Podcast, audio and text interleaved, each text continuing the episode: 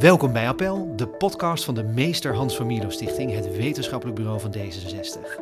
Waarin wij de verdieping opzoeken bij actuele politieke onderwerpen, altijd geïnspireerd door het sociaal-liberale gedachtegoed. In 2015 vond de decentralisatie van een deel van de zorg plaats. Plots klaps waren gemeenten verantwoordelijk voor de jeugdzorg, werk en inkomen en zorg voor langdurig zieken en ouderen. Met name de jeugdzorg is sindsdien flink achteruit gegaan volgens de Inspectie voor de Gezondheidszorg en Jeugd en de Inspectie Justitie en Veiligheid. Jongeren worden in toenemende mate geconfronteerd met lange wachttijden, verkeerde diagnoses of ze kunnen niet de weg naar de juiste zorginstantie vinden. Hoewel die negatieve ontwikkeling al bezig was, werpt de coronacrisis nieuw licht op de mentale gezondheid van jongeren en hun toegang tot zorg.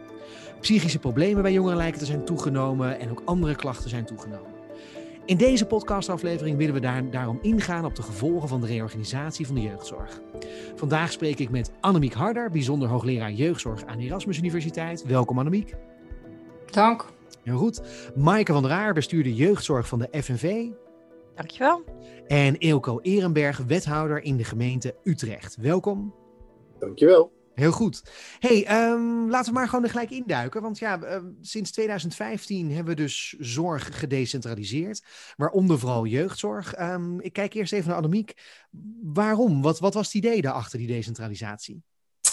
Ja, het idee achter de decentralisatie was dat uh, gemeenten uh, dichter bij jeugdigen en ouders zitten. En dus ook beter uh, zicht hebben op hoe het met hun gaat. En ook beter kunnen aansluiten. Um, dus vandaar dat ze um, die decentralisatie hebben ingezet.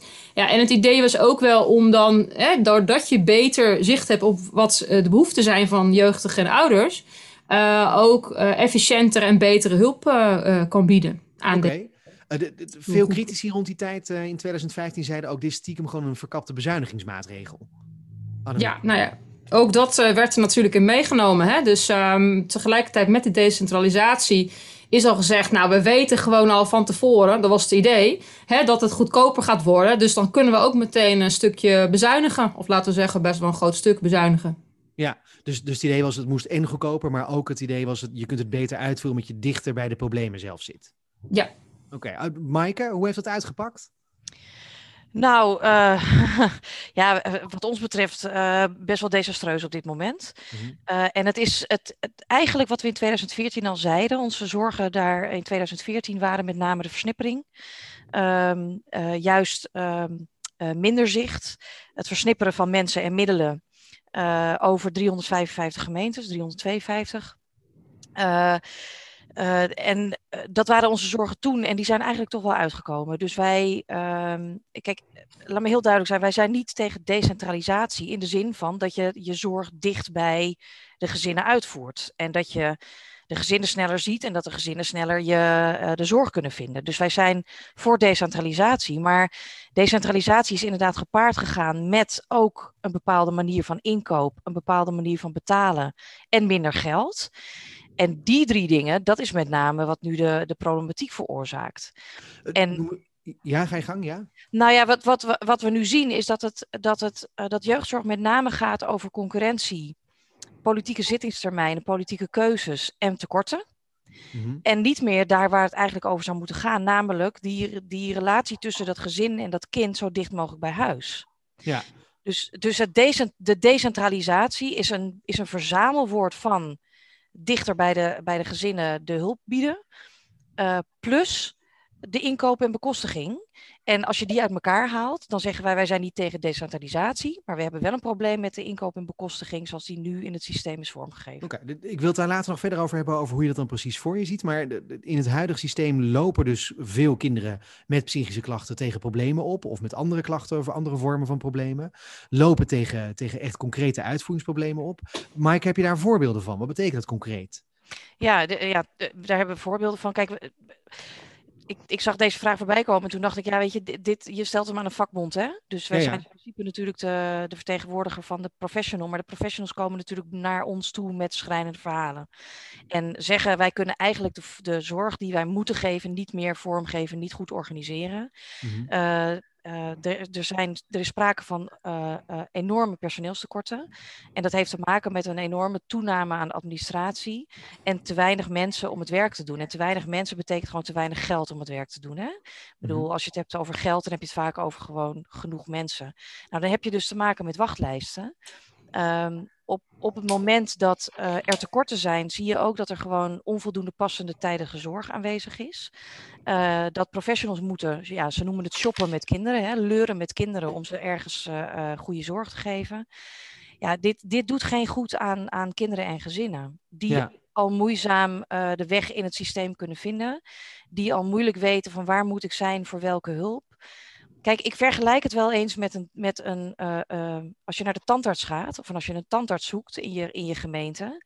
en je krijgt een lijst van 700 tandartsen. en je hebt kiespijn. dan vraag je aan je gemeente welke tandarts moet ik zijn. En dan zegt de gemeente ja, ja. Nou ja, goed, ik heb een lijst van 700 tandartsen. kan zelf misschien ook niet helemaal precies, precies meer uitleggen wat het verschil is. En dan zeg je als cliënt, dus doe mij de dichtstbijzijnde die tijd heeft, want ik heb pijn. Dus eh, het, het, alles eigenlijk wat we wilden, wat we beoogd hebben met die decentralisatie, komt op die manier niet uit. Ja. Dicht, bij de kinderen, uh, snel voorhanden, weinig wachtlijsten, vrije keuze voor de mensen, passende zorg, tijdige zorg, is eigenlijk niet meer te organiseren op deze manier. Ja, maar je zegt dus het heeft vooral te maken met hoe de decentralisatie is uitgevoerd. Ja. Je bent niet tegen het idee van decentralisatie op zich.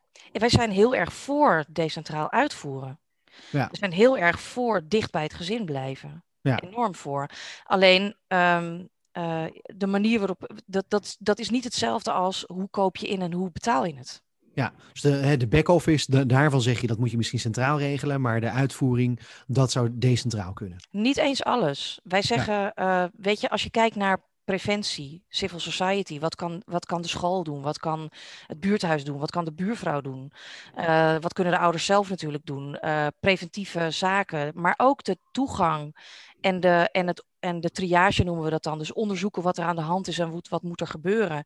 En de lichte zorg vinden wij echt een taak van gemeentes. Maar als je het gaat hebben over uh, er moeten echt specialisten aan te pas komen. Dus uh, specialistisch en hoogspecialistische jeugdzorg. Daarvan zeggen we dat zou toch eigenlijk een publieke basisvoorziening moeten zijn. Net zoals dat als je je been breekt, de huisarts ook zegt: ga naar de dokter. Of ga naar, sorry, ga naar het ziekenhuis. Dat is een publieke basisvoorziening wat ons betreft. Die mag niet gelegd lang, worden langs de lat van concurrentie en uh, tekorten en politieke zittingstermijnen, politieke uh, stromingen. Um, dus dat moet je gewoon centraal regelen. Dat is een rijksverantwoordelijkheid wat ons okay. betreft. Ja. Oké. Okay. Eelco Ehrenberg, wethouder te Utrecht. Reactie? Nou, weet je, um, het is altijd goed om dan ook weer even na te denken over hoe was de jeugdzorg eigenlijk in 2014 en daarvoor. Uh, want dat was eigenlijk alles behalve een feestje. Een gedeelte van de jeugdzorg zat bij de provincie, een gedeelte was landelijk. Maar behalve, uh, behalve dat het zo georganiseerd was en daarmee het echt ingewikkeld was, was ik eens met Maaike voor ouders om de goede weg uh, te vinden, zat er eigenlijk ook wel een, een soort uitgangspunt in veel vormen van jeugdhulp, die toch er eigenlijk wel, ik chargeer dat dan altijd even, de zieke kinderen in een instelling in de Veluwe in de bossen te brengen. Dus er was ook wel inhoudelijk nog wel wat eh, aan te merken op, nou, het paradigma in eh, veel van de, eh, nou, de oude jeugd, om het zo te doen. ik ben ook fan van de decentralisatie. want het biedt enorme kansen. Het biedt de kans om de jeugdzorg dichterbij te organiseren. Het biedt de kans om veel slimmere verbindingen te maken tussen jeugdhulp en onderwijs, jeugdhulp en, en sportverenigingen. Nou, dat kunnen gemeenten gewoon veel beter dan voorheen provincie of rijk. Maar er zijn ook een aantal dingen gewoon niet goed gegaan bij de decentralisatie.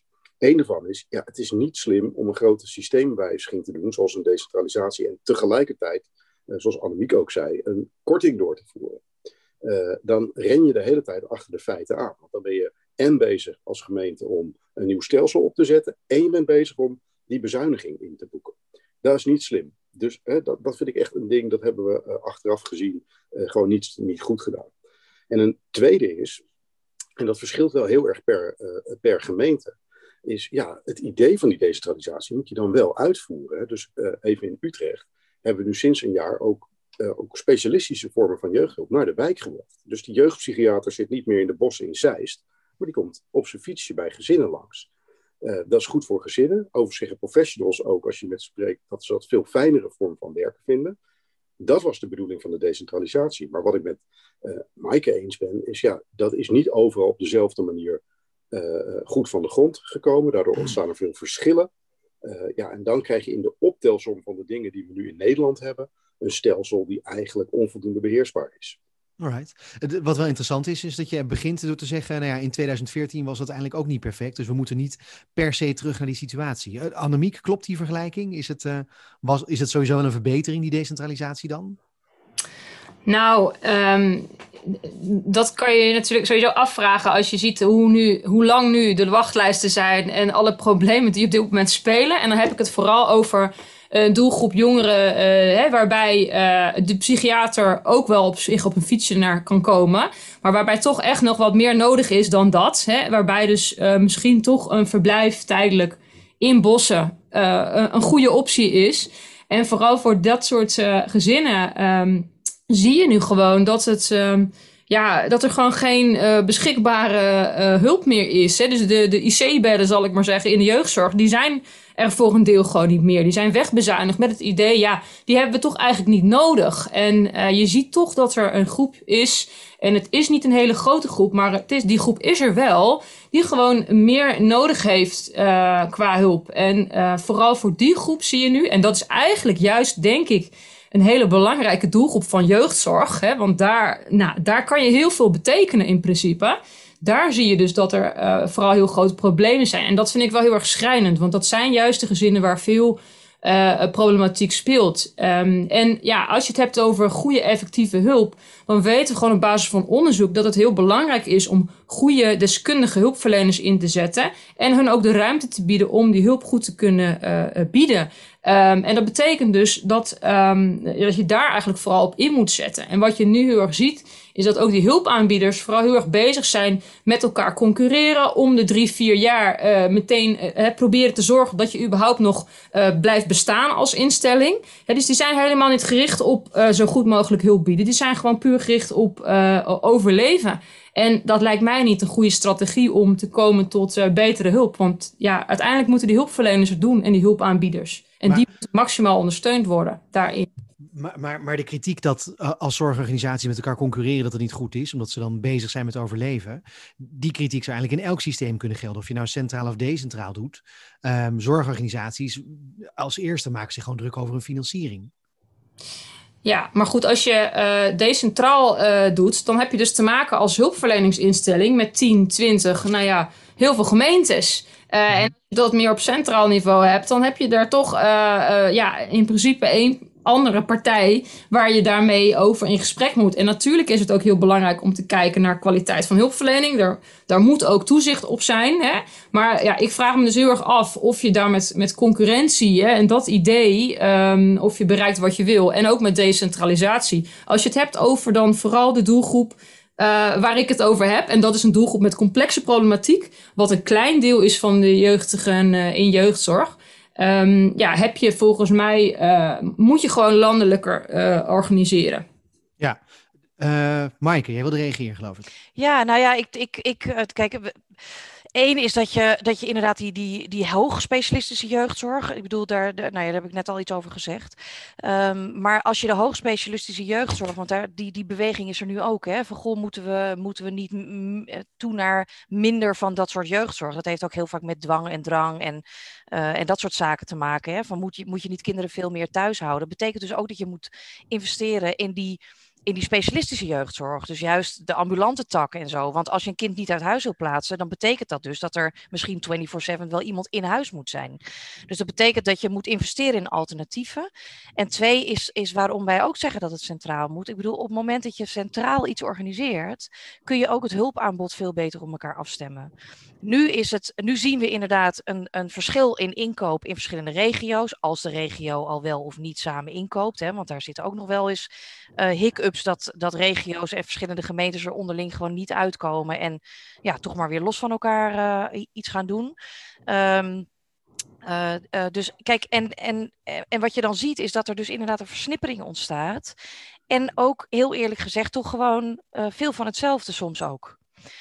en daarvoor kun je je ook afvragen: van, is, het, is dat handig in een markt waarin je weet dat je met schaarse middelen te maken hebt en dat je met, uh, met een tekort aan personeel te maken hebt, is het dan handig om zeg maar uh, in te gaan kopen vanuit iedere gemeente of vanuit iedere regio aan zich. En dat dus zeg maar, over het land verspreid niet goed op elkaar afstemt. Het, het, het jeugdzorgaanbod in dit land.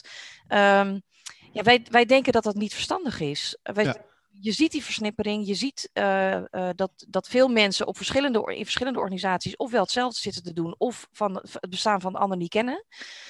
Plus dat je ziet dat als iedere organisatie bezig is zichzelf hoog te houden, en iedere gemeente is bezig zichzelf hoog te houden, en zeker in tekorten uh, strijd is dat, um, dan ben je dus ook niet, dan ben je dus bezig met je eigen unique selling point en met je mm. eigen belang, in plaats dat wij zeggen van we hebben met de jeugdzorg moet een sectorbelang zijn. Is een landelijk belang. Ja. Um, en, en moet dus samen kunnen werken. En moet dus innovaties kunnen delen. Want dan, dan krijg je een lerend systeem. En dat is nu niet zo als je het hebt over concurrentie. Ja, merk je nou ook, Maaike, dat, uh, dat, er in, dat het afhangt van de gemeente uh, waar, hoe de kwaliteit van de jeugdzorg is die je kan krijgen? Ja, natuurlijk. Natuurlijk is dat zo. Zoals? Heb je en, uh, nou ja, ik bedoel, je, we horen zelfs via onze, onze leden ook cliënten zeggen van nou, ik ga niet verhuizen, want ik weet dat als ik verhuis dat ik deze zorg niet meer krijg. Uh, dus er is verschil in wat je in de ene gemeente wel of niet kan krijgen. Er is verschil in hoe het georganiseerd is. Er, er is verschil in hoeveel jeugdzorgorganisaties er met een bepaald, ja, ik durf bijna niet te zeggen, maar het heet tegenwoordig producten zijn. Um, uh, weet je, dus, uh, dus ja, er is een enorm verschil en, en rechtsongelijkheid voor de cliënt, maar dus ook voor de professional. Hè?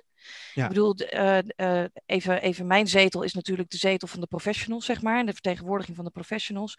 Ook de professionals zijn direct belanghebbenden en worden geschaad in dit systeem. Oké, okay. Eelco Ehrenberg. Ja, weet je, um, je kan hier als gemeente natuurlijk ook gewoon echt andere keuzes in maken. Hè? Dat is natuurlijk uh, wel waar het begint. Dus dan toch even het Utrechtse perspectief.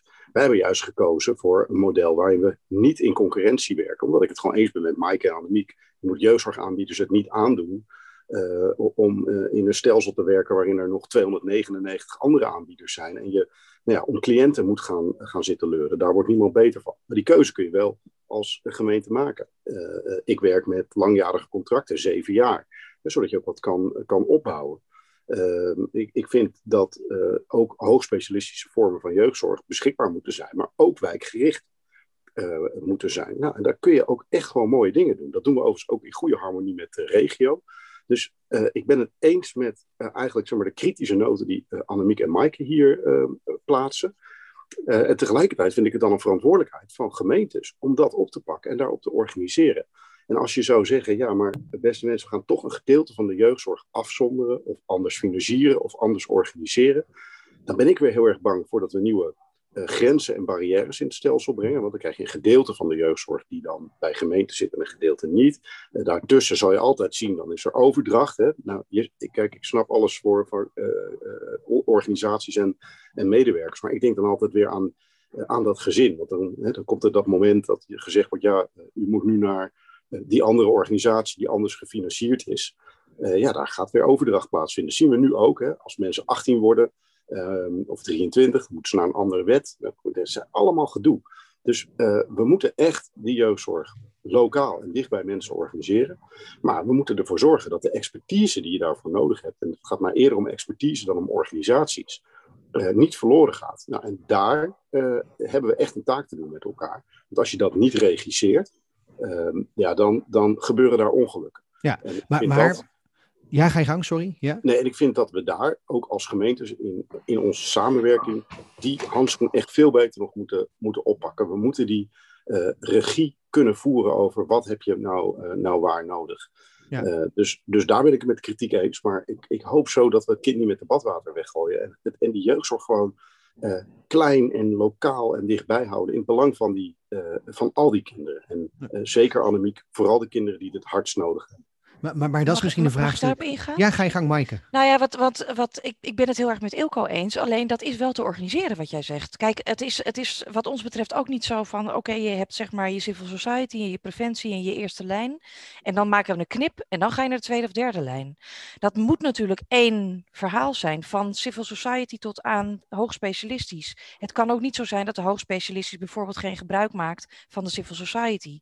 Hè, van, de, van de buurvrouw en van de school en van de kinderopvang. Ik wou net vragen, waar, waar heb je het over als je zegt civil society? Ja, dat, dat gaat echt heel erg over de, de gemeenschap, zeg maar. Hè? De, Ja. de maatschappij die, waarvan wij zeggen, die zou, geme die zou de gemeentes ook veel meer moeten ondersteunen en moeten stutten. En moeten stimuleren. Niet in regels gooien, alsjeblieft niet. Maar wel moeten kennen, herkennen en moeten stimuleren. Veel Mhm. meer in hun eigen gemeente. Dus dit vinden wij heel belangrijk om die ook in te zetten. Als, ook als kinderen hoogspecialistische jeugdzorg krijgen. Maar wij zeggen ook van in die eerste lijn, in dat eerste, in dat lokale team wat je eigenlijk organiseert, daar zou de brede expertise moeten zitten. Wat, er, wat een goede triage kan doen aan de voorkant. Dus een goed onderzoek kan doen van eh, wat is hier aan de hand en waar zou dat kind of de rest van het gezin heen moeten. En dat kan zowel naar de voorkant van, nou, het is toch iets voor school of het is toch iets voor de kinderopvang of de buurvrouw kan iets doen, tot aan het moet echt hoogspecialistische jeugdzorg zijn en alles wat daartussen ligt. Maar dat betekent wel dat wij zeggen, de case, het case management, dus zeg maar dus het meelopen met de cliënt, moet wel in die eerste lijn blijven. Dus daarmee maak je de verbinding tussen wat de gemeente doet en, de, en de, wat, wij zien de, de rol van de gemeente heel erg in zorgen dat je burger wordt toegeleid, toegeleid naar de juiste hulp en steun. Mhm. En, eh, en daarmee heb je kennis nodig van de juiste hulp en steun. Je hebt toegang nodig tot de juiste hulp en steun op alle, op alle facetten. En je moet met de cliënt meelopen in die hele hulp en steun. Neem nog steeds niet weg dat wij zeggen. Het is nog steeds wat ons betreft een basisvoorziening om de tweede en de derde lijn goed te hebben. We hebben redenen om te zeggen dat zou je eigenlijk niet langs de lat van concurrentie en hè, politiek moeten laten verlopen en geld. Eh, dat, eh, daarbij sluit ik ook aan bij Annemiek die zegt van ja, je zou het eigenlijk ook niet, eh, je zou veel meer dat moeten, ja, de- van overheidswegen ook moeten coördineren. Ehm, eh, en, en, en, en wat ik net ook zei van ja, weet je, stem dat hulpaanbod dan ook op, op elkaar af van wat we in Nederland te bieden hebben. En dat neemt de rol van de gemeente voor haar burger niet weg. Maar. Mag dat, dat kun je dus organiseren. Daniel? Ja, sorry, Ilko, ja. Want eh, kijk, mijn stelling is, elke grens is een, eh, is een barrière. Hè? Daar, daar zit die voor mij eh, heel erg. En ik vraag me af wat, Maaike, wat jij bedoelt met als je zegt, er moet ook minder politiek in het stelsel. Want ook als je ervoor zou kiezen om gedeeltes van de jeugdzorg, en nogmaals, ik ben wel voor coördinatie en regie en samenwerking, maar niet voor knippen. Ehm, als je dat bij het Rijk weer zou neerleggen, of bij provincies of wat dan ook, dat zijn ook politiek gestuurde organisaties. Ik bedoel, het was ook een politiek besluit om eh, hè, dat was staatssecretaris Van Rijn die zei: we gaan decentraliseren en we gaan het op deze manier doen. Ook met deze eh, budgetkorting. Ook dat eh, is natuurlijk gewoon politiek. En dat maakt mij als wethouder weer ongerust.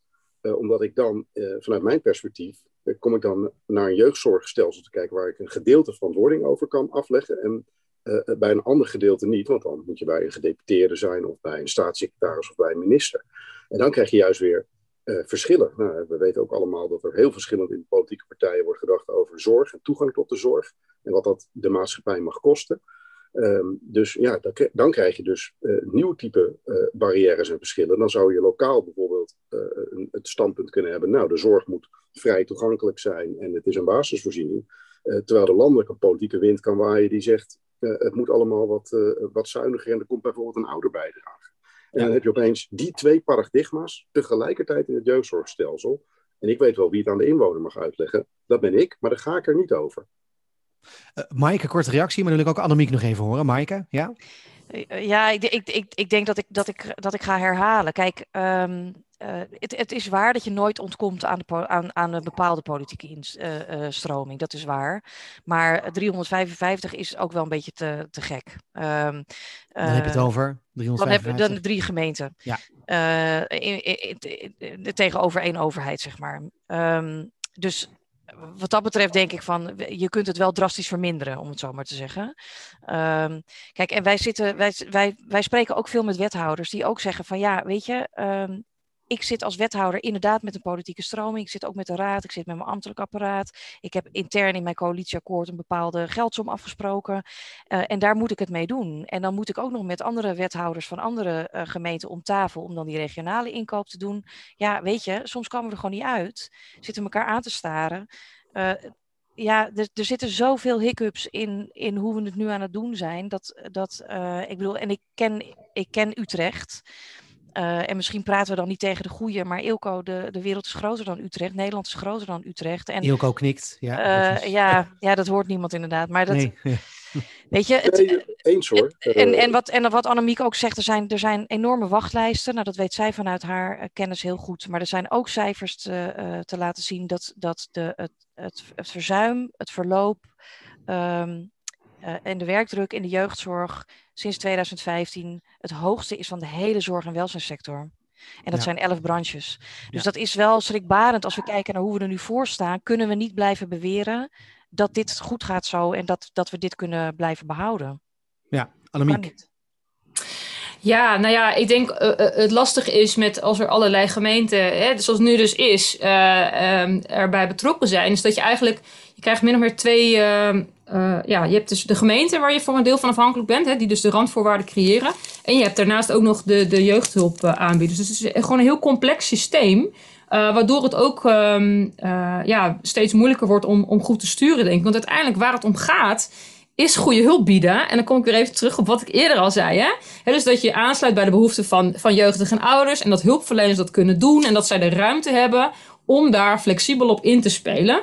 eh, met hulpverlening die ze bieden. Dus ehm, ja, het is heel belangrijk inderdaad, omdat Maaike net zei, om dus die hulpverleners die, die, dat hulp, die hulp moeten bieden, dat die dus ook inderdaad zeggen, nou, ik blijf graag werken in de jeugdzorg en ik wil graag eh, mijn best doen voor kinderen en ouders en ik krijg daar ook de mogelijkheid toe om dat te doen. En wat je dus inderdaad heel erg ziet, is dat ehm, eh, hulpverleners die juist vaak heel goed zijn, eh, als eerste de jeugdzorg verlaten, omdat ze dus eh, ja, niet genoeg ruimte krijgen en niet het idee hebben dat ze echt wat kunnen betekenen voor jeugdigen en ouders. Terwijl je als je kijkt naar effectieve jeugdzorg, we weten gewoon dat die professional echt een belangrijke eh, rol heeft daarin. En dus ook tijd moet krijgen om bijvoorbeeld een goede samenwerkingsrelatie op te bouwen met jeugdigen en ouders. Helemaal als je het hebt over jeugdigen en ouders, waarbij vaak wantrouwen richting anderen een belangrijke rol speelt.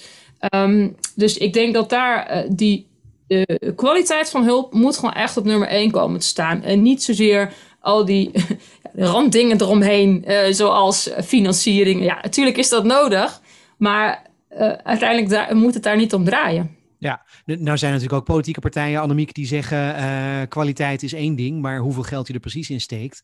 Ja, je schrijft er nu terzijde financiering, maar hoeveel geld je er precies in steekt, dat is ook nog wel een belangrijke vraag. En er zijn politieke partijen die zeggen, ja, we steken gewoon veel te veel geld in de zorg. Ehm, dat moet echt minder. Hoe ga je daarmee om? Nou ja, ik kan me voorstellen dat het voor een deel eh, ook op de verkeerde dingen wordt ingezet. Kijk, ik zou zeggen, je moet in elk geval inzetten op eh, gezinnen waarbij er problemen zijn. Eh, ja, preventie is ook wel belangrijk, maar ehm, zet in elk geval in op goede behandeling voor gezinnen waar de problemen al spelen. En zorg dan ook voor dat er echt deskundig goed opgeleide mensen dat doen. Ook bijvoorbeeld triage doen. Dus dan denk ik aan bijvoorbeeld academisch opgeleide pedagogen en psychologen. Zet je ook gewoon eerder in, eh, in het hele systeem. Maar Eh, zeg je dat er nu niet gebeurt dan? Nou ja, voor een deel niet. Eh, Want er zijn dus wel wijkteams eh, bijvoorbeeld. En dat is denk ik ook per gemeente weer verschillend hoor. Dus ja, ik kan niet zeggen, dit is de kwaliteit. Dat is ook weer het lastige hè, als je met verschillende Ja, gemeentes verschilt te maken ja. hebt. Maar eh, dat je zegt, nou, wil in elk geval in zo'n wijkteam, wil je eigenlijk sowieso gewoon een academisch opgeleid iemand hebben die daarbij betrokken is. En die dus ook goede inschattingen kan maken van wat er nodig is. En ook misschien eerder soms juist inzet op specialistische hulp. In plaats van heel lang doormodderen en proberen, van alles proberen. En dan ben je de jongeren kwijt, ouders kwijt. En dan ga je op langere termijn veel meer geld kwijt zijn aan, aan, aan zorg. Hm, Ilko. Nee, de, eh, dit ben ik helemaal met eh, Annemiek eens. En overigens eh, zie ik ook heel veel voorbeelden waar preventie en vroegsignalering helemaal door elkaar heen gebruikt worden. Dus even om te chargeren dat er dan eh, iemand, eh, vaak ook met eh, nou ja, eh, belangen die dicht tegen commerciële aan liggen, naar een school gaan en zeggen. Nou, even kijken in deze klas. Ik zie toch zeker wel tien kinderen die eh, ADD of ADHD hebben en eh, daar kan ik wel wat mee. En dan denken we, nou mooi, dat is preventie, want dan heb ik erger mee voorkomen. Maar dat is flauwekul. Dat heeft helemaal niks met preventie te maken. Dat is gewoon vroegsignalering. En dat is overigens heel veel kinderen de jeugdzorg intrekken. En het kost klauwen vol met geld. Maar wacht Eh, even, dus- ik, ik, probeer het even helder te krijgen. Hè? Want ik zie eh, twee andere sprekers eh, uitgebreid knikken. Die, die snappen het allemaal. Maar, maar het klinkt nu alsof je eigenlijk zegt dat vroegsignalering eigenlijk gewoon manipulatieve truc is van een organisatie die gewoon meer klanten krijgt op die manier. Je loopt een klas binnen en je zegt, oh, die hebben allemaal ADD of PDD-NOS is zo'n label wat ik ooit een keer voorbij heb horen komen. Dat betekent, uh, ik weet niet wat dat betekent, maar betekent iets onduidelijks geloof ik. En dan worden er allemaal kinderen het systeem ingesleept en, en dan krijgen zij vergoedingen. Ik chargeer het wat, maar is, is dat wat je nu zegt, dat vroegsignalering dus eigenlijk een beetje een valse truc is, Ilko? Er zijn, er zijn zeker voorbeelden, daarom zeg ik van nou, ik chargeer het en het is een cynisch verhaal, maar deze voorbeelden zijn er uh, in het land. Ja. Uh, wat er gebeurt. Dus hè, daarom moet je als gemeente ook een goede opdrachtgever zijn. Als jij zegt, ik wil preventie bestellen en je denkt er niet te veel over na, is het risico dat je dit soort uh, nou ja, activiteiten in je gemeente krijgt. Mm -hmm. dus in die zin ben ik het ook echt wel eens met dat. En dat is natuurlijk, ja, dat is de kracht van de decentralisatie. En soms natuurlijk ook gewoon de Achilleshiel. iets met goede en, en minder goede voorbeelden. Ja, we hebben natuurlijk vaak met elkaar over de minder goede voorbeelden, maar die zijn er gewoon. Moeten we ook niet voor eh, voor weglopen. En wat ik nu ook zelf in Utrecht zie, en dat vind ik ook echt schrijnend, nou, als je nou over kansengelijkheid uh, hebt.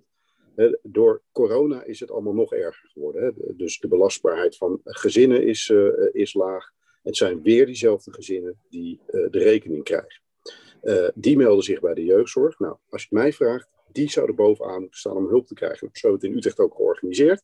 dus die, dat, dat is vaak crisisachtig, dus daar gaan we aan de slag.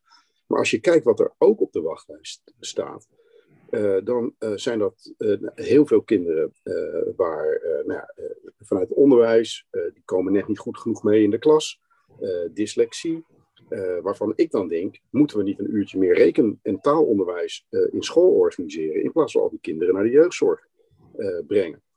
kinderen van, ja, ik, ik, ga het weer even chargeren, want dat helpt altijd, maar van mondige ouders die de weg goed weten te vinden waar eigenlijk eerder een opvoedprobleem is, of waarbij handelingsverlegenheid bij de ouders is, wat je ook wel moet durven toegeven als ouder, die de jeugdzorg ingaan.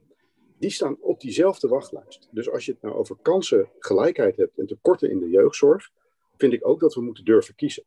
Uh, en uh, dan moet je uiteindelijk kiezen voor die kwetsbare gezinnen. En moet je wel iets anders gaan organiseren voor, ik noem het maar even, de wat meer eenvoudigere problematiek. En daarmee wil ik die ouders die hiermee zitten niet tekort doen, hè, want die maken zich ook oprecht zorgen. Maar dan moet je wat anders voor organiseren dan uh, een indicatie en jij gaat de jeugdzorg in. Ja, Mag ik daarop ik reageren? Ik wou net zeggen, Mike, ik ja. kijk naar jou, want ik hoor dingen waarvan ik denk, uh, daar wil jij natuurlijk als uh, ja, daar wil ik de, nou, van de professional op reageren. Van de professional iets over ja. zeggen, exact, je hoort hem al aankomen. Um, waar, waar professionals ontzettend veel moeite mee hebben, is dat um, uh, en, en, en niets ten nadele van jou, Ilko, want, maar ik ga ook even chargeren. Wethouder, ga eens van mijn stoel af. Wanneer kan jij beslissen welke zorg nodig is? Het kan niet zo zijn, wat ons betreft, dat, uh, dat dit soort keuzes worden gemaakt zonder professionals. En dat gebeurt gewoon. Inkoop, inkoop, contractering, uh, welke zorg er wel wordt ingekocht, welke zorg er niet wordt ingekocht, gebeurt gewoon zonder professionals. En wij vinden het, uh, onze professionals vinden het echt schrijnend om te zien dat er dus mensen zonder hun opleidingsachtergrond, want ik bedoel, het is gewoon een vak hè, wat ze hebben gestudeerd. Het is, het is geen, geen liefdadigheidswerk of zo, of een beetje een beeld van, ach, ik weet wel wat lichte zorg is of wat zware zorg is of iets dergelijks. Het is een vak waarvoor ze lang hebben gestudeerd. En de, dit soort keuzes van wat koop ik in, wat is er nodig voor bepaalde problematiek, wat is er nodig voor bepaalde gezinnen, wat is er nodig in bepaalde wijken, uh, wordt gewoon gemaakt zonder professionals, standaard zonder professionals. Maar, en, maar, en dat is... Voordat je daar verder gaat, ben ik wel nieuwsgierig. Dat eerste voorbeeld wat Eelco noemde, hè, over die perverse prikkel die je dan hebt. Dan ben je een zorgprofessional, uh, je hebt een diploma, je bent academisch geschoold. Jij kunt uitgebreid, op basis van jouw kennis, kun je diagnosticeren dat de helft van de kinderen in de klas allemaal ADD, ADHD heeft. En dan krijg je daar, vanuit de gemeente, krijg je daar een vergoeding voor, omdat je een heel programma daarvoor hebt. Dat is toch vanuit economisch perspectief en een beetje een perverse prikkel. Want nee, maar dat is waar. Daar ben ik het met Eelco eens. Daar ben ik het dus dat gebeurt. Er zijn, er zijn organisaties, en ik wil niet zeggen dat vroegsignalering en preventie altijd zo is. Dus laat me, laat me daar heel duidelijk over zijn. Maar Ilko heeft gelijk dat er organisaties zijn die natuurlijk voor het geld gaan. En die denken van, nou ja, eh, ik ga naar school, ik zeg tegen, tegen, tegen ouders, ik kan jouw kind onderzoeken op ADHD. En als ze het hebben, kan ik ze ook behandelen. En wonder boven wonder hebben ze allemaal ADHD. Ook ik chargeer hier, maar uh, mm, ja. uh, om, om het even duidelijk te maken. Dat betekent dus inderdaad, wat, dat wat Ilko zegt, je moet als gemeente heel goed weten wat je doet. Dat klopt. Maar dat weet je pas als je met professionals praat. Je moet heel goed nadenken over wat is er nodig vanaf, vanaf dat moment tot aan vanaf eerste lijn tot aan derde lijn, Mhm. tot, tot, tot preventie, tot nou ja, ook, ook die eh, civil society, hè, dus die maats- maatschap, na- ma- maatschappij, die kan helpen bij het opgroeien van kinderen en het leven leren, zeg maar. Ehm, dan moet je weten wat je doet. En, eh, en wat, wij, wat wij nog steeds schokkend vinden, is dat op het moment dat wij zeggen dat we eigenlijk vinden dat professionals aan tafel moeten bij de contractering, dat we worden aangekeken alsof, alsof, alsof er water brandt. En wij vinden het echt niet meer dan logisch, omdat met alle respect Ilko helemaal niet kan besluiten of het eh, lichte of zware zorg moet zijn. Of wat er Dat wil met ik ook helemaal niet hoor. Ilko, ja. Nee, dat wil je Dus- ook niet. Nee, en, vertel. en mag ik het tweede, het, Ja. het, het tweede wat, wat, mij, eh, wat, wat me toch even van het hart moet, is ehm, eh, als het over geld gaat, eh, en Annemiek die begon er al even over, van waar wordt het geld aan besteed? Hè? We zien nu natuurlijk uit het AEF-rapport, hè, er, is, nou, er is nu klip en klaar bewezen dat de gemeentes te weinig geld hebben. En vervolgens is de reflex om te zeggen van we hebben meer geld nodig. En wij zeggen, je moet ook kijken in je eigen systemen waar je geld vandaan kunt halen. 1,2 miljard van de 1,7 miljard tekort gaat gewoon naar coördinatie van zorg. Dus er is wel degelijk een probleem met administratie, inkoopprocessen, eh, adviseursbureaus, eh, weet ik veel hoeveel vergaderingen er overheen moeten gaan, Mhm, eh, het ja. beschikken van, van zorg, weet ik veel wat voor, wat voor administratie en, en lagen. En als het ene team het niet kan oplossen, richten we een ander team in die het probleem moet oplossen. En dus er zitten zo ontzettend veel lagen die tijdverslindend en geldverslindend zijn, dat wij zeggen, niet alleen tegen gemeenten, maar ook tegen werkgevers, je moet kijken naar je gelaagdheid en je moet kijken naar je eigen processen. Want op deze manier komt het geld wat je gaat krijgen, eventueel, eventueel gaat krijgen, niet terecht bij de, bij de zorg aan, aan kinderen en, ehm, eh, en, en dus ook en professionals. Want er is ook nog iets als zorg en waardering voor professionals. En eh, dat hebben we gezien van de vorige 420 miljard van vorig jaar, 420 ehm, eh, van vorig jaar, is geen cent terechtgekomen bij de professionals en bij de zorg. Hm. Waar is dat geld gebleven? Dus wij, wij zeggen tegen de gemeentes van ja, er zijn tekorten. Er zijn zeker tekorten bij de professionals en bij de gezinnen. Tekorten aan mensen, tekorten aan middelen, tekorten aan scholing, intervisie. Eigenlijk een te grote tekortensector.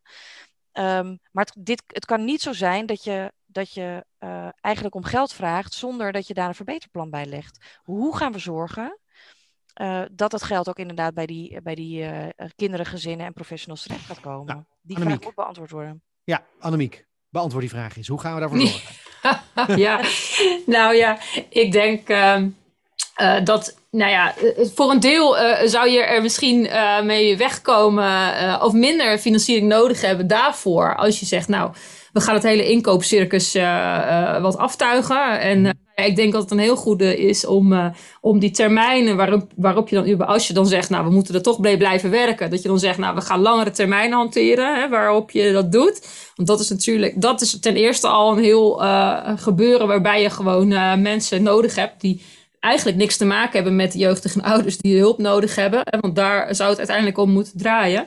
Ehm, en ja, ik denk dat, je ook, dat het ook kan helpen als je zegt, nou, we hebben binnen eh, bijvoorbeeld een gemeente eh, iemand die inhoudelijk inderdaad deskundig is en eh, die de hulp die geboden wordt, ook kan beoordelen. Dus dat je ook goed kijkt, wat is de kwaliteit van de hulpverlening? Is het echt nodig, deze hulpverlening, of niet? Ehm, en wat levert het uiteindelijk op? Dus dat je ook scherper zicht krijgt op, ja, op die kwaliteit van die, van die hulpverlening. En beter het kaf van het koren kan gaan scheiden. Dus dat betekent dat je ook gewoon kennis kan gebruiken, wat er ook gewoon is. Over effectiviteit van, eh, van jeugdinterventies, over werkzame factoren. En dan denk ik dus aan inhoudelijk deskundigen, eh, zoals dat ik al net al noemde, pedagogen, psychologen, gedragswetenschappers, psychiaters, eh, die daar gewoon goed van op de hoogte zijn.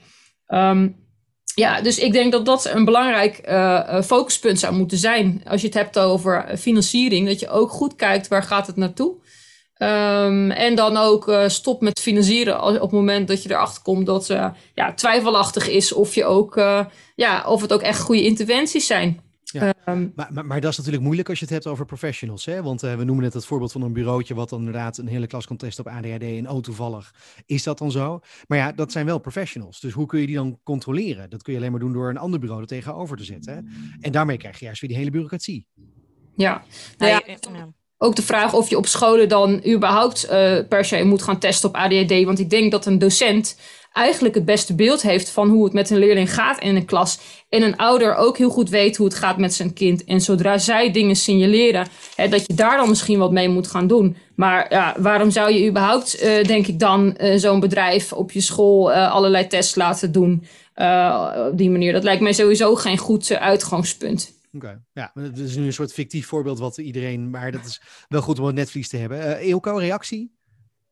Nee, ja, eh, ja, eigenlijk zijn het weer wat dat betreft hoe we met elkaar eens. Ehm, het gaat om expertise, het gaat om rust. Als ik gevraagd word, ook door collega's, van wat heb je nou eigenlijk nodig, dan zeg ik altijd grip. Je hebt een beetje grip nodig. En hoe organiseer je dat? Met rust, lange termijn doelen. En daarbinnen gewoon heel veel vertrouwen aan professionals geven. Ik praat bijna wekelijks met professionals in Utrecht van, zeker nu met de coronatijd Waar loop je tegenaan? Uh, hoe gaat het? Uh, lukt het nog? Ehm, en er is nog wel een, ander punt waar, nou ja, als het ons zorg, waar ik me zorgen om maak, laat ik het zo zeggen. Hè, want ik zie ook het hoge verloop en het grote ziekteverzuim. Dat zit in het bijzonder ook bij een gedeelte van de jeugdzorg, wat dan de justitiële jeugdzorg heet. Hè, dus waar uh, kinderen komen omdat de rechter heeft gezegd, uh, nou, ze moeten uit huis. Uh, en als je kijkt wat daar gebeurt, ook gewoon in de veiligheid van medewerkers, dat is buitengewoon heftig. Die, die professionals, die overigens ook niet allemaal fantastisch verdienen, hè, die doen het allemaal voor ons, voor de maatschappij. Die moeten verschrikkelijke keuzes maken, namelijk een kind uit huis plaatsen of omgangsregelingen, welke ouder wel, welke ouder niet. Dat is, dat, is, is echt verschrikkelijk werk, maar ook heel dankbaar, want je kan ook het leven van een kind ten positieve beïnvloeden. Dus kijk wat een bagger die over zich heen uitgestort krijgen ja, daar moeten we eigenlijk ook eens een keer wat uh, met elkaar als maatschappij aan doen. Uh, want ja, deze mensen dienen ons, hè, dienen onze kinderen in op de meest spannende momenten. en, nou, als je het hebt over gesprekken met professionals en wat raakt je zelf, nou, de gesprekken met die professionals, dat is echt heel heftig. Ja, ja. ja nou, ik, ben, ik ben blij dat je het zegt. Ehm, Ilko, uh, dank je wel daarvoor. Uh, vorige week is er een onderzoek uitgekomen dat 80% van de jeugdzorgprofessionals te maken heeft met agressie of online agressie. Dus ik ben het daar, uh, ik, ik, ik kan dat enorm ondersteunen wat Ilko zegt. Um, is overigens ook een reden om de sector te verlaten. Hè, dus dus het, de reden om sector te verlaten zit niet alleen maar in um, in, uh, in zeg maar de inkoopmethodiek of tekorten of administratie, maar dat zit ook in dit soort uh, uh, dingen. En, en het feit dat we die bescherming ook gewoon te weinig geregeld hebben met elkaar. Dus te weinig goede, duidelijke afspraken. Um, ja, dat zit ook in, in, in tucht- en klachtrecht, uh, maar dat zit ook gewoon in de bescherming op het moment dat het gebeurt. Dat zit in bescherming voor, vooraf, dat zit in opvang achteraf. Um, dus ik, ik ben het daar helemaal met, met Ilko eens. We doen daar aan de arbeidsmarkttafel, waar FNV, CNV en werkgevers uh, met elkaar samenwerken aan projecten om het werken in de sector aantrekkelijk te maken en te houden hebben we daar een ook een project op lopen. Maar het is, het is wel ingewikkeld. En zeker met social media is het natuurlijk ook ingewikkeld om dat constant maar uit te filteren en te zien. Uh, maar ik ben het met Ilke eens dat we daar echt wel uh, meer aandacht aan zouden moeten besteden. En dat beter moeten organiseren. Ja. Alright. Annemiek. Nou ja, ik denk dat het voor een deel, uh, als je het dan hebt over een justitiële doelgroep, hè, of jongeren die dreigen af te glijden. Um, dat het ook wel uh, zaak is om daarnaar te gaan kijken van hoe kan je nou überhaupt die randvoorwaarden om goed hulp te kunnen bieden aan die doelgroep, waarbij inderdaad regelmatig agressie een rol speelt, Um, dreigende afglijden. Um, dat je daar ook als hulpverlener uh, goed uh, in ondersteund wordt om je werk dan goed te kunnen doen. Want ja, uiteindelijk is dat inderdaad de uitdaging om te zorgen dat de jongeren niet verder afglijden en niet het de hele criminele pad opgaan. En dan is het de vraag van nou, doe, kan je dat doen met bijvoorbeeld leefgroepen waar 10, 12 van deze jongeren bij elkaar geplaatst worden? of acht. Um, dat is best wel, het is best wel grote groepen. En dat, dat maakt eigenlijk een hele onveilige werksituatie. Maar ook een onveilige situatie voor jongeren zelf. En dan weten we natuurlijk al van, nou, dat het beheersmatig werken bij repressie, hè, waar, waarbij je dus als hulpverleners uh, heel erg vanuit macht.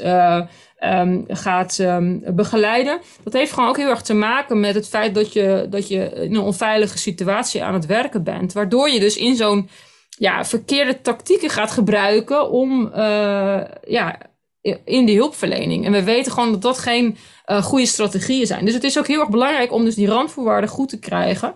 Uh, en dat betekent misschien ook gewoon uh, ja, toch wat investeren daarin. En um, in dat soort vormen van hulp. En kijken hoe je dat wat kleinschaliger kan maken. En er zijn natuurlijk pilots voor geweest afgelopen jaar. Dat is heel erg mooi.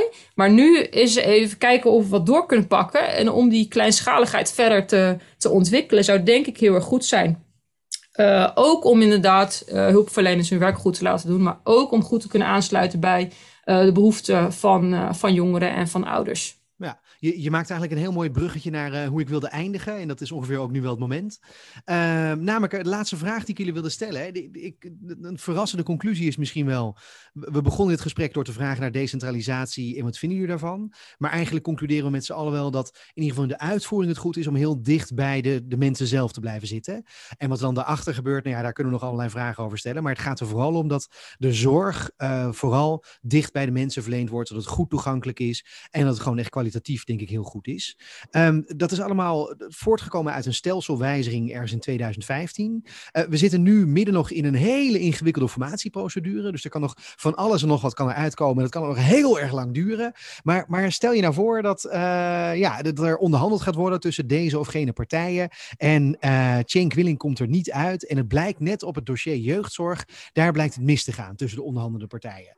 Um, voor jullie alle drie, dan even de vraag. Wat is dan één boodschap die je ze willen meegeven aan de formerende partijen, welke dat dan ook maar zouden zijn, en aan Cenk Willink en eigenlijk dus aan heel Nederland wat er zou moeten gebeuren met jeugdzorg. Concreet voorstel, tip, advies, wat het ook maar is. Ik begin bij Maaike. Nou, wij hebben met FNV en Stichting Beroepseer hebben wij de handen ineen geslagen. En wij zijn aan het schrijven vanuit onderop met hele brede expertise, met heel veel mensen. Uh, we hebben het echt over honderden. Uh, aan een samenhangend uh, plan. je kunt niet aan één knop draaien. Het is een cont contextverhaal, de jeugdzorg. dus je moet, je moet aan alle knoppen draaien en tegelijkertijd om het radarsysteem ook goed te laten werken en geolied te laten werken. Ons verhaal heet De Jeugdsprong. Uh, en daar hebben we eigenlijk vanaf het begin tot het eind en alles wat ermee te maken heeft, uh, uh, hebben wij beschreven wat er zou moeten gebeuren en geven wij een advies aan Nederland. Iedereen die het horen wil, iedereen die ermee te maken heeft, maar ook de mensen die er niet mee te maken hebben. Want jeugdzorg is van de maatschappij en dus van ons allemaal. En op 17 mei presenteren we dat advies. We nodigen iedereen daarbij van harte uit. Um, uh, en uh, daarin staat eigenlijk wat wij, uh, nou wat ik hier min of meer in fragmenten heb mogen vertellen. maar iedereen kan het zo nalezen op onze site Jeugdsprong. Oké, okay, dus oh, dat, de Jeugdsprong, dat is een kort, kort samengevat advies. Ja. Annemiek, Annemiek Harder. Ja, ik zou zeggen, schaf in de eerste plaats de marktwerking af in de zorg. en zorg ervoor dat we hulpaanbieders hun werk uh, goed kunnen doen. Uh, doordat ze niet hoeven te concurreren met elkaar, dat ze niet hoeven te survivalen. Maar echt kunnen focussen op datgene waar het om zou moeten gaan. En dat is het bieden van een goede kwaliteit van, uh, van hulpverlening. Waarbij hulpverleners uh, ja, door middel van een goede samenwerkingsrelatie met jeugdigen en ouders kunnen komen tot uh, resultaten. En dan bedoel ik dus vermindering van problematiek, verbetering van welzijn van jeugdigen en ouders. Want dat is wat centraal zou moeten staan uh, in de jeugdzorg. Dankjewel. Tot slot, Eelco Ehrenberg. Ik uh, zou zeggen, begin met echt het ledigen van de financiële nood.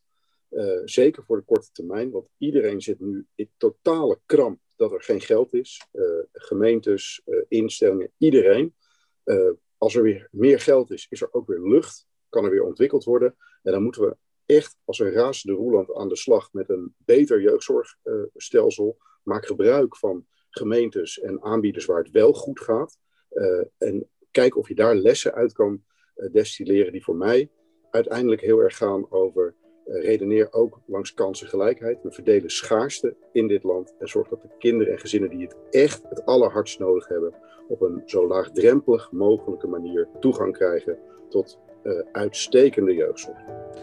Hartelijk dank uh, jullie alle drie. Maaike van der Aar, bestuurder jeugdzorg van de FNV. Eelco Ehrenberg, wethouder in de gemeente Utrecht. En Annemiek Harder, bijzonder hoogleraar jeugdzorg aan de Erasmus Universiteit. Um, een leerzaam gesprek en een hele belangrijke oproep, denk ik ook. Dus uh, nogmaals, dank voor jullie komst. Bedankt. Ja, graag Heel gedaan. goed. En daarmee zijn we aan het einde gekomen van deze aflevering van Appel. Bedankt voor het luisteren. Andere afleveringen zijn te vinden op de gebruikelijke podcastkanalen of via onze website van mierlostichting.nl. Heb je vragen, opmerkingen of wil je gewoon graag een keer met ons in eh, contact komen? Ga dan naar onze website, stuur een mail of gewoon een berichtje via Facebook of Twitter.